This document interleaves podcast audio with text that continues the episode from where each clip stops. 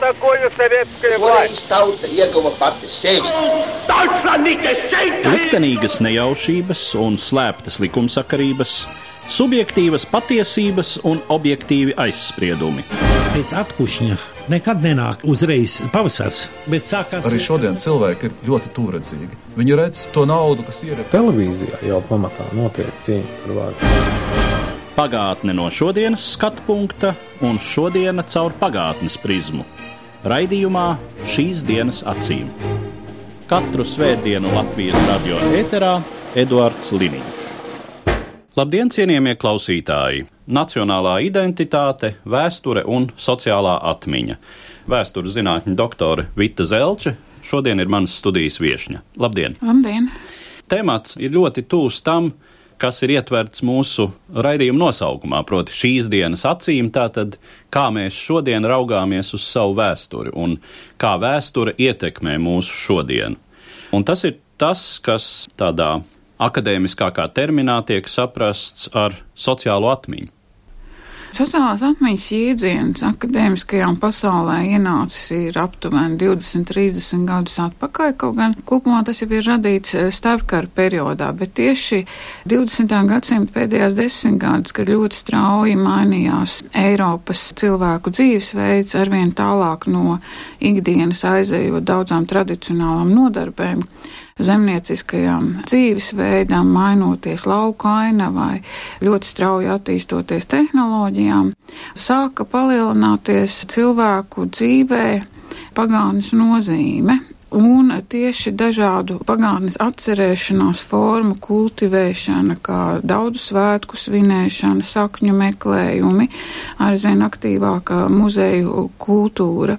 Un tas lielā mērā lika tieši sociālo zinātņu pētniekiem pievērst uzmanību tam, kāda tad ir pagātnes nozīme mūsu šodienas dzīvē. Un līdz ar to šajā konceptā sociāla atmiņa un dažkārt arī paralēli pastāv vēl citi jēdzieni kolektīvā atmiņa, kultūras atmiņa. Mēs saprotam mūsu šīs dienas sabiedrības attieksmi pret pagātni un šīs pagātnes lietošanu, proti priekšstatus, vērtības, attieksmes, konfliktus un arī dažādus eh, rituālu pasākumus, valsts svētku svinēšanu, sēru dienu atzīmēšanu.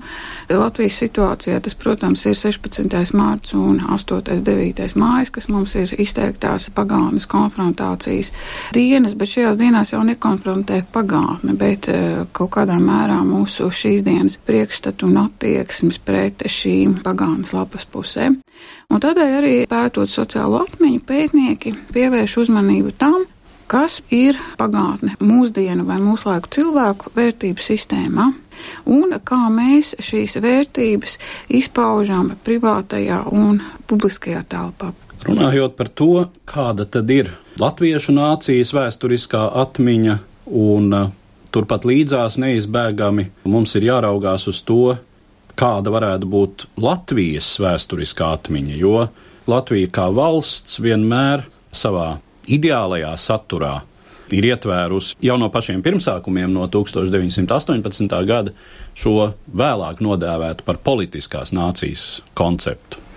Tā varētu arī sacīt, bet ja mēs raugāmies pagātnē atpakaļ un arī raugāmies uz šodienas sabiedrību, ir jāatcerās tas, ka starp Latvijas iedzīvotājiem, tā skaitā latviešiem, sociālās atmiņas ziņā ir būtisks atšķirības. 20. gadu Latvija savu dzīvi uzsāka kā valsts, kas ir izcīnījusi savu neatkarību. Protams, ka valsts, kas ir pārdzīvojusi ārkārtīgi smago Pirmo pasaules karu un zaudējusi ļoti daudz cilvēku un materiālu un kultūras vērtību, bet tomēr valsts, kuras pamatā ir milzīgs panākums, varētu teikt, fantastisks panākums, uzvarēts atbrīvošanās karš un uh, proklamēta savu valsts, nodibināta demokrātiskā iekārta. Pirmoreiz visiem pilsoņiem, sievietēm un vīriešiem ir piešķirtas vēlēšana tiesības. Tas ir ļoti fundamentāls pamats, ar kuru jebkurš cilvēks var lepoties un brīnīties par sevi, par savu spēku un tā tālāk. 90. gadu sākumā, protams, no vienas puses Latvijas iedzīvotāji bija izcīnījuši arī vēlreiz savu valsti, bet sev līdzās viņi nes šos 50 gadus, kas ir dzīve totalitārajā režīmā, kas nāk ar ārkārtīgi smagu kā mēs šobrīd pētnieki varam definēt, kultūras traumu, kas ietver šos pāridarījumus un ilgstošo dzīvi kopā ar pāridarījumu.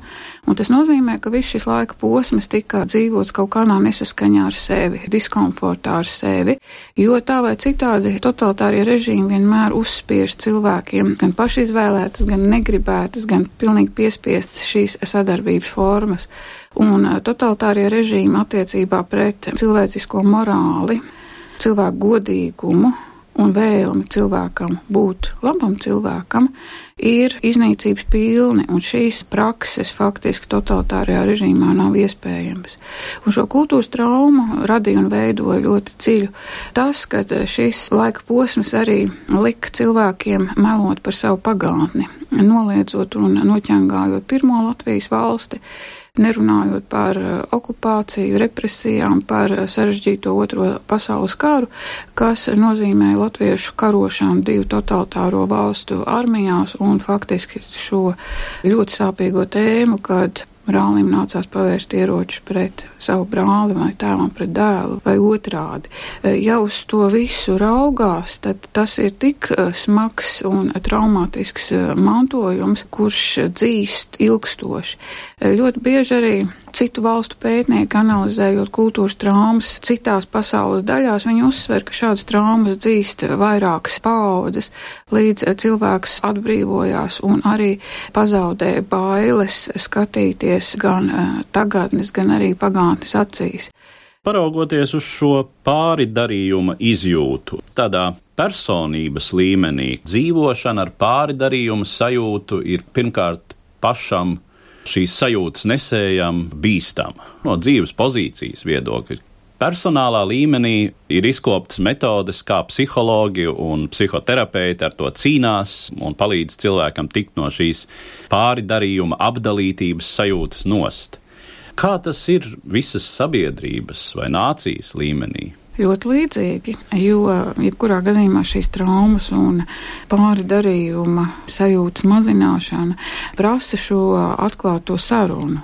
Var teikt, ka Latvijā ir daudz labāk sekmējies ar atklāto sarunu par Otro pasaules karu un par latviešu sadarbību ar nacistisko režīmu, kas ietver holokaustu, piespiedu mobilizāciju, leģionā arī brīvprātīgi izvēlēto sadarbību ar nacistisko režīmu. Un es domāju, lai arī varbūt šī patiesība ir nepatīkama, bet eh, tā ir jāpieņem un ar to ir jāizdzīvo, mēģinot rast gan attaisnojumu, gan arī pietiekami daudz lietas nekad netaisnojot. Jo pagātne gan kā atmiņa, gan kā vēsture ir nozīmīga tieši tāpēc, ka tā mums var palīdzēt šodienā piedāvājot pozitīvos un negatīvos rīcības modeļus. Un tāpēc arī vēsturi dažkārt ļoti vienkārši dēvē par morāles paraugu krātuvi, jo holokausta atmiņa, kas šobrīd ir Eiropas centrālā vēstures atmiņa, ir svarīgi tāpēc, ka saprotot holokausta neģēlību, rietumu pasaule ir akceptējusi to, ka viņi nekad nepieļaus un nerīkosies tā, kā reiz ir rīkojušies, jo holokausts jau neietver tikai šo nacistu pastrādāto noziegumu, bet tas ietver visu pārējo okupēto valstu iesaisti šī nozieguma īstenošanā ar klusēšanu, ar vērošanu, ar palikšanu malā. Un tas ir tas jautājums, ar kuru tad Eiropai vajadzēja pierast un samierināties, tā skaitā, piemēram, Francijai, arī normālajiem vienkāršajiem vācu cilvēkiem, kā holokausts notiek, viņi to redz un viņi to pieļauj, un viņi kaut kādā veidā akceptē šī nozieguma esamību. Arī Latvijas gadījumā vēsturnieki uzdod šo ļoti sāpīgo jautājumu, kāpēc tas notika un cik lielā mērā tad ir vainīgi ne tikai tie cilvēki, kas piedalījās varbūt arestos, aizvešanās, kas sargāja vai arī kas nogalināja, bet vai ir uzskatāms par vainīgu cilvēks, kurš pēc holokausta īstenošanas aiziet uz pagasta nāmu vai uz laukumu, kur ir novietotas nogalināto ebreju lietas, ja viņš paņem tikai bērna meitelīti, lai aiznestu to uz mājām. Vai tā ir sadarbība? To savā grāmatā jautā profesors Aivars Stranga. Jā, mētelīte, kurš tam bērnam jau vairs nebūs vajadzīgs, tā sacīt. Jā, un, piemēram, izrisinot šo jautājumu, tas jau mums ļaus skatīties tālāk, varbūt skarbi un atklāti. Tā ir patiesībai acīs kas ir saistām ar padomi režīmu, jo šīs padomju laupīšanas arī lielā mērā to, ko Staļins vienmēr ir pratis izmantot visā Krievijā, īstenojot savu politiku, vervējot sev sabiedrotos, ir arī šīs cilvēku alkatības jūtas, jo kas tad notiek ar visā padomju savienībā represēto cilvēku mantu, viņa pozīciju sabiedrībā, vai cita iznīcināšana nenozīmē izteiktu savtīgumu. Un šobrīd arī ļoti daudz tieši rietumu pētnieki, kuriem varbūt ir brīvāk un kuriem ir varbūt labāks distancēšanās prasmes, ļoti labi ir sākuši analizēt Krievijas staļinismu, mēģinot izskaidrot, kā vispār varēja izveidoties tāds režīms ar tik lielu neģēlību un kā šis režīms nemitīgi savā valstī vervēja savus atbalstītājus. Jo šobrīd arī ir skatoties uz datiem, kas mums saka, cik lielā mērā padomju savienības cilvēki ir atbalstījuši padomju režīmu pastāvēšanu, tie skopie dati saka tā, ka vienmēr šim režīmam ir bijis lielāks cilvēku atbalstītāju skaits nekā pretinieku skaits. Tas nozīmē, ka padomju savienības iedzīvotāji paši nemitīgi ir atražojuši šo uh, totalitāro režīmu, saskatot tajā sev izdevīgumu. Un šis 30. gadu represīvais mehānisms vienus apcietina, nogalina, nākamie tā saucamās sociālās mobilitātes ietvaros nāk viņu vietā. Tas ir tā saucamie staļiniskā laika vidviženci vai izvirzītie, kas vienas nogalinātās elites vietā ieņem viņu pozīcijas un līdz ar to arī šos sociālos un materiālos labumus, un tā darbojas tā kā mašīna. Un 40. gados šo mašīnu sāka izmantot arī Baltijā. Tas skarbais jautājums kultūras traumai un pašiem sev un pašu identitātes spēkam kaut kādā mirklī atvērt acis un paskatīties, cik mēs bijām vāji vai stipri šajā situācijā un ko mēs esam nodarījuši paši sev. Jā, tas ir ļoti nozīmīgs jautājums, uz kuru mums tiešām vēl būs jāatbild. Ko mēs darījām šos 50 gadus? un uh, kā mums klājās. Un varbūt, ka brīžiem, katrā ziņā no tāda cilvēciskā, sadzīviskā viedokļa, neklājās nemaz tik slikti. Kas ir tas padomju mantojums, ko mēs labprāt piesaucam? Un šajā brīdī mēs, protams, esam koncentrējušies uz savām ciešanām, kas nenoliedzami bija. Bet īsti nerunājam par to pārējo daļu, kuras atstātais mantojums arī ir šodien ļoti nozīmīgs, varbūt pat nozīmīgāks. Jo, ja mēs domājam par to, kurš laika periods nozīmīgāk ietekmē šī brīža sabiedrības dzīvi, kaut kādus uzvedības modeļus, attieksmi, tad es gandrīz vai riskētu teikt, ka tas ir Brežņeva periods. Pirmkārt, tāpēc, ka tas ir daudz tuvāks chronoloģiski. Otrakārt, ja mēs atceramies, kas bija Brežņeva režīms, nu tā bija tāda samtaina diktatūra. Latvijas sabiedrībā diezgan izplatītā vēlme runāt par to, ka zemē ir jābūt kārtīgam saimniekam. Cik labi, ka tomēr nav kaut kāds bars idiņu, kurš tur jēka bielā kaut ko visu laiku muļājās un ņemās. Tātad man ir diezgan liels aizdomas, ka šis zemes saimnieka tēls, kurš mums populārā politisku debašu līmenī laiku pa laikam uzpeld, lielā mērā sastāv ne tikai no Kārļa Ulmaņa, bet arī no Leonīda Brežņeva.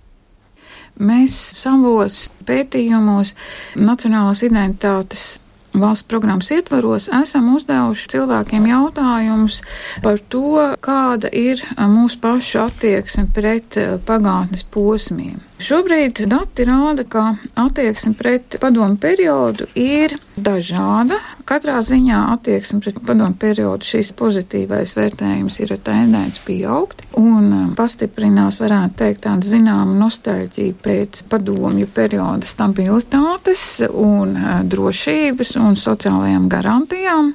Gan pagaidām šī atšķirība starp latviešu respondentiem un krievalodīgiem respondentiem ir diezgan liela. Jāsaka tā, ka krievu respondentu vidū tas tomēr ir dominējošais pozitīvais laika posms. Latviešu apziņā joprojām dominējošais laika posms ir ulmaņa laika 34. 40. gads. Un, Jā, bet arī ļoti zīmīgi ulmaņa laika, nevis demokrātiskās Latvijas jā, laika. te ir atšķirība starp ulmaņa laikiem un uh, demokrātiju. Diezgan pat paliela. Var sacīt, protams, divējādās izteiksmēs, jo šis pēdējais posms jau bija tā saucamās iemācītais sociālisms un iemācītais dzīves modelis, kurš bija tomēr diezgan piesātināts ar dažādām nodevām, un šobrīd varbūt Latvijai daudz bendējošāks ir ar ļoti izteiktu kā lai mēs to labāk pasakām, likumības un godīguma pārkāpumiem. Varbūt varētu teikt tā. Jā, rupi runājot, blata sistēma. Jā, jo Brežņeva laiks bija tā saucamais mazo blēdību laika uzplaukums, kurš nozīmē to, ka, ja kaut ko paņem, kas nav privāti īpašums, bet ir valsts īpašums, tas ir normāli, tā nav. Jā. Tā nav zakšana, tā ir paņemšana. Jā, ja darba laikā aiziet iepirkties, tad tas nav darba disciplīnas pārkāpums. Ja novācot kolhozā kartupeļus uz lauka, puse no kartupeļiem paliek uz lauka, Proti, ka šai darba kvalitātē nav nekādas izšķirošās nozīmes. Un kopumā te ir šī laika pretrunīgums, ka no vienas puses normatīvs ir apgūts, no otras puses tas tomēr nozīmē dziļāku degradāciju. Un tagad arī spriežot to, kādā veidā mums kļūt labiem, godīgiem, un mēs varētu teikt arī baltiem un pūkainiem. Tas ir tikt galā ar to, lai no jauna atdzīvinātu šos desmit baušļus, ne tikai pantiņu izteiksmē, bet arī apziņā. Un no otras puses, Brežņeva laiks tomēr nozīmēja super melošanas laiku, šo dubultību, un šī dubultā dzīve domājam vienu, vai arī vispār nedomājam, bet sakam tikai to iemācīto, to, ko vajag, to, kas ir ērti. Nu, man jāsaka, tas ir tā degradējoši. Un tā kultūras trauma nozīmē kaut kādā mirklī ārstēšanu, protams. Jo tas jau ir arī kaut kas varbūt līdzīgs šai reliģiskajai darbībai pateikt, nožēlot, atvainoties un tad dzīvot tālāk. Runājot par to, kā dzīvot tālāk, un zināmā mērā turpinot to, par ko mēs šeit visu laiku runājam, tātad latviešu nācijas identitāte ir tikai daļa no kopīgās Latvijas identitātes, kādai būtu jātop, lai gan droši vien ir jāuzdod jautājums. Priekšstats par to, ka valsts pastāvēšanai ir jābūt kaut kādai kopīgai identitātei, kuras būtisks un neatņemams elements ir vairāk vai mazāk kopīga vēstures procesu izpratne, vēstures procesu vērtējums. No otras puses, mēs zinām, ka mūsdienu sabiedrība ir ļoti marginalizēta, indivīds ir savā pozīcijā pret valsti daudz nepiesaistītāks, daudz neatkarīgāks nekā viņš bija piemēram, pirms 50, nerunājot pat par laiku pirms 100 gadiem.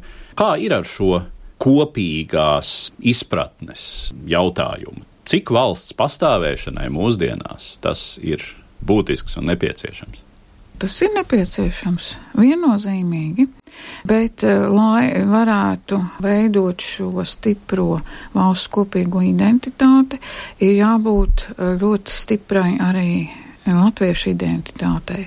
To varētu pārmest tagad teikt, ka mēs te varbūt nacionālismu sludinām, ja es saku šos vārdus, ka jābūt ir spēcīgai latviešu identitātei. Un tad var arī runāt par spēcīgu Latvijas identitāti, jo tad šī identitāte ir spēcīga dialogā ar citām identitātēm. Tad viņi vairāk nenostājās šajās aizsardzības pozīcijās, bet ir daudz atvērtāk dialogam un sadarbībai ar citām identitātēm.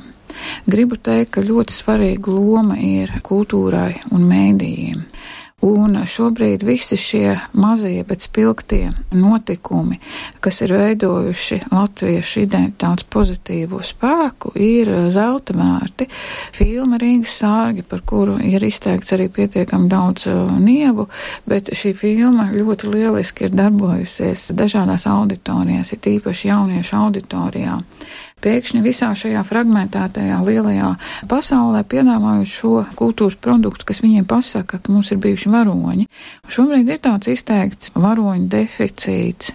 Un tieši 11. novembra stāsts un atbrīvošanās karš tos piedāvā ļoti labi. Un no otras puses ir vajadzīgi arī, protams, šie kritiskie stāsti, kas, kā jau es teicu, ļauj paskatīties sevī Un, um, protams, ka izrāda vecstāvs bija savā laikā un savā vietā. Es gribu ļoti uzteikt Valmieras teātra izrādi atvari, kas ir vienkārši fantastiski domāt liekošs stāsts, kā mēs dzīvojam un rīkojāmies un pieņēmām lēmumus 49. gadā. Kā mēs pastāvēt kopā baltais ar melno, labais ar slikto, nodevība ar savstarpējo palīdzību, un kā tas ir, kad cilvēkam ir jāpieņem šie lēmumi un jāizdara izvēles kur es domāju šo Alvi Lapiņu un Varu Braslas radīto stāstu vajadzētu nu, varbūt piedāvāt plašākai auditorijai vai no televīzijas starpniecību. Vienkārši liekot domāt, jo arī šajā padomu laika dzīvē Tur jau ir entie pozitīvie varoņi, kas spēj nostāvēt totalitārismam pretī, bet šī mūsu klusēšana viņus faktiski ir nolikusi tā malā. Šobrīd mēs zinām, ka Edgars Kauliņš, kas mums sāk atgriezties varoņu plejādē, Lāčplēša kolekos priekšsēdētājs, viņam ir šis stāsts, ka viņš 49. gadā ir lielvārds cilvēks nosargājis no deportācijām. Bet, paklausoties tālāk, ir eh, daudz lokālās kopienas, kurām ir bijuši spēcīgi lokālie līderi, kas tajā mirklī ir pasargājuši savu kopienu. Ir bijuši cilvēki, kas ir atteikušies piedalīties deportācijās, Šādus stāstus noteikti var atrast, jo ir iespējams dabūt šajā identitātē tik labu, pozitīvo pamatu, pret kur mēs varbūt šobrīd izturāmies pārāk bezatbildīgi. Vēl viena doma, kas man pēdējā laikā šķiet ļoti būtiska, kāda ir tā vienkāršā publicistiskā līmenī runājot šīs valsts saimnieka attieksme pret šīs teritorijas vēsturi. Tā noteikti ir iekļaujoša attieksme. Jā, tā ir iekļaujoša, un es gribētu teikt, viņai jābūt arī integrējošai. Lai mēs varētu integrēt daudzus citus, kam ir sliktāk ar Latvijas pagātnes atmiņu, jo viņi ir paņēmuši citas valsts vērtības, varbūt vairāk savā apziņā nekā Latvijas vērtības. Ir arī jāmēģina integrēt pašu latviešu, jo tā totalitārisma izdzītā dalīšanās starp latviešiem, kuri ir bijuši komunistu pusē un kuri ir bijuši nacionālistu pusē vai kaut kādā vēl citā pozīcijā, ir arī e, raugoties uz pagātni, kurai ir jādara spēcīgāk šodienas identitāte, ir traumējoša. Jo šobrīd vairs karot savā starpā, teiksim, leģionāriem un sarkanarmiešiem vai precīzāk šo atmiņu nesējiem, nav nekādas jēgas un ir jāmācās šīs vērtības no šīm abām pusēm un jāmēģina drīzāk saprast to, kā tas varēja notikt un kā cilvēki rīkojās šajā ekstrēmajā situācijā. Mēs šobrīd gatavojam izdošanai grāmatu, kur mēs esam sagatavojuši arī valsts programmas nacionāla identitāte ietvaros, bet tīri grāmatai naudu mums ir piešķīris Berta fonds, ir abās pusēs, proti Vācijas armijā un Sarkanajā armijā karojošo karavīru dienas grāmatas.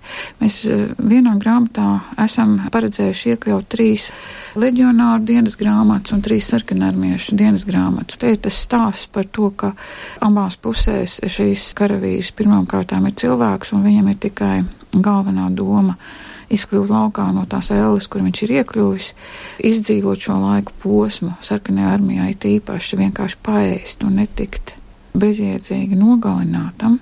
Bet viņiem visiem ir galvenais atgriezties mājās, siltums, mājas, tuvinieki un ne kaut kāds naids vai, vai mīlestība pret kādu totalitāru varu. Jau vairākus gadus mūsu studentu auditorijā runājot par to, kas tad bija karš un cilvēcība un kā mēs to varam reprezentēt. Mēdījos ļoti daudziem studentiem kā tāda atklāsme nāk Rīgas kinostudijas 50. gados uzņemtā filma Rita ar dominējošo, vienkāršo spēju cilvēkiem vienam otram palīdzēt būs labi. Jā, šis teiciens kļūst stipri leģendārs, jo Arnolda Liniņa lieliskā loma, aktieri Jāņa Grantiņa, tēlotais vācu karavīrs, kurš arī nostājās cilvēcības pusē un nenodot, un kurš spēja pastāvēt pret vāru, lai nenodotu oficiāli savus ienaidniekus. Bet šī filma principā saliek kopā šo cilvēcību pret nu, pret totalitārismu. Jāsaka vēlreiz šie paši vārdi. Nu, faktiski tas ir pievedis mūs tā diezgan loģiski pie pēdējā temata, ko es vēl gribētu mūsu sarunā parisināt, un tas ir ar mūsu identitāti saistīto priekšstatu par kaut kādu kopīgo Eiropas identitāti. Jo tas atkal ir tāds varbūt ar, ar politkorektuma piegaršu uzstādījums, ka latviešu identitāte pilnīgi noteikti ir eiropeiska. Un tad pirmais jautājums, vai mēs varam un cik lielā mērā mēs varam runāt par kaut kādu kopīgu Eiropas identitāti? Jo, ja mēs padomājam par to, kāda ir varbūt Grieķijas identitāte, tad es pieļauju, ka tā ir tuvāka, ja ne Eģiptei, tad katrā ziņā Gruzijai, nekā varbūt Beļģijai vai Īrijai. Ja mēs domājam par Latvijas identitāti, tad droši vien tā ir tuvāk Ukrainai nekā Zviedrijai. Lai gan kas zina, Es gan vairāk gribētu runāt tīri šīs sociālās apmaiņas dimensijā un vēstures vērtību dimensijā. Ir, ir lietas, par kurām es tomēr neņemšos spriest, jo tas ir ārpus manas kompetences. Es gribētu teikt to, ka Austrum Eiropas iekļaušanās Eiropā maina Eiropas eh, pagātnes identitāti un eh, diezgan spēcīgi.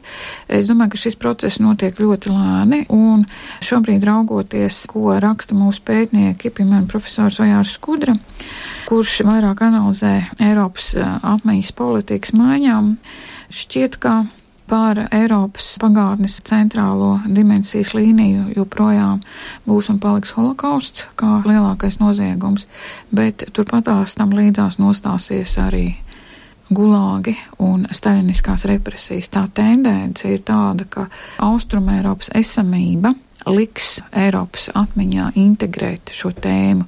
Un es domāju, ka šis virziens būs ārkārtīgi spēcīgs, jo šobrīd jau Baltiju sāk atpazīt tieši pēc Sofija Oksanenes grāmatas attīrīšanās, jo tas ir stāsts par mums.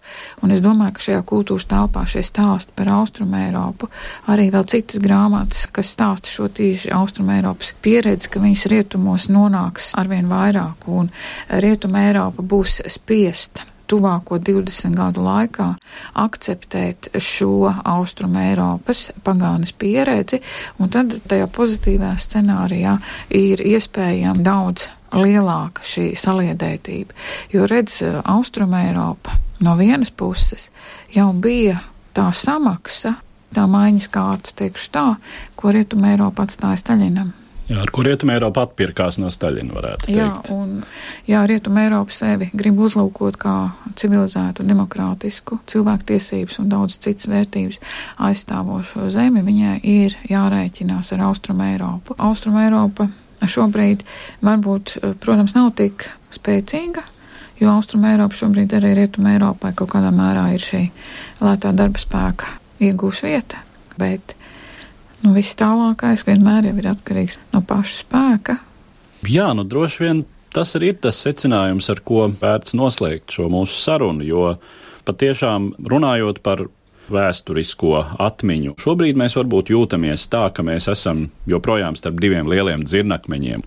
Eiropu, kuru mūs īsti nesaprot, jo ir dzīvojusi arī dzen līdz nesenam laikam ar nepilnīgu vēstures uztveri bez šīs Austrum Eiropas pieredzes teritoriju no mums uz austrumiem, Krieviju, kam ir joprojām lielā mērā nepārstrādāts šis totalitārais mantojums vēstures uztverē.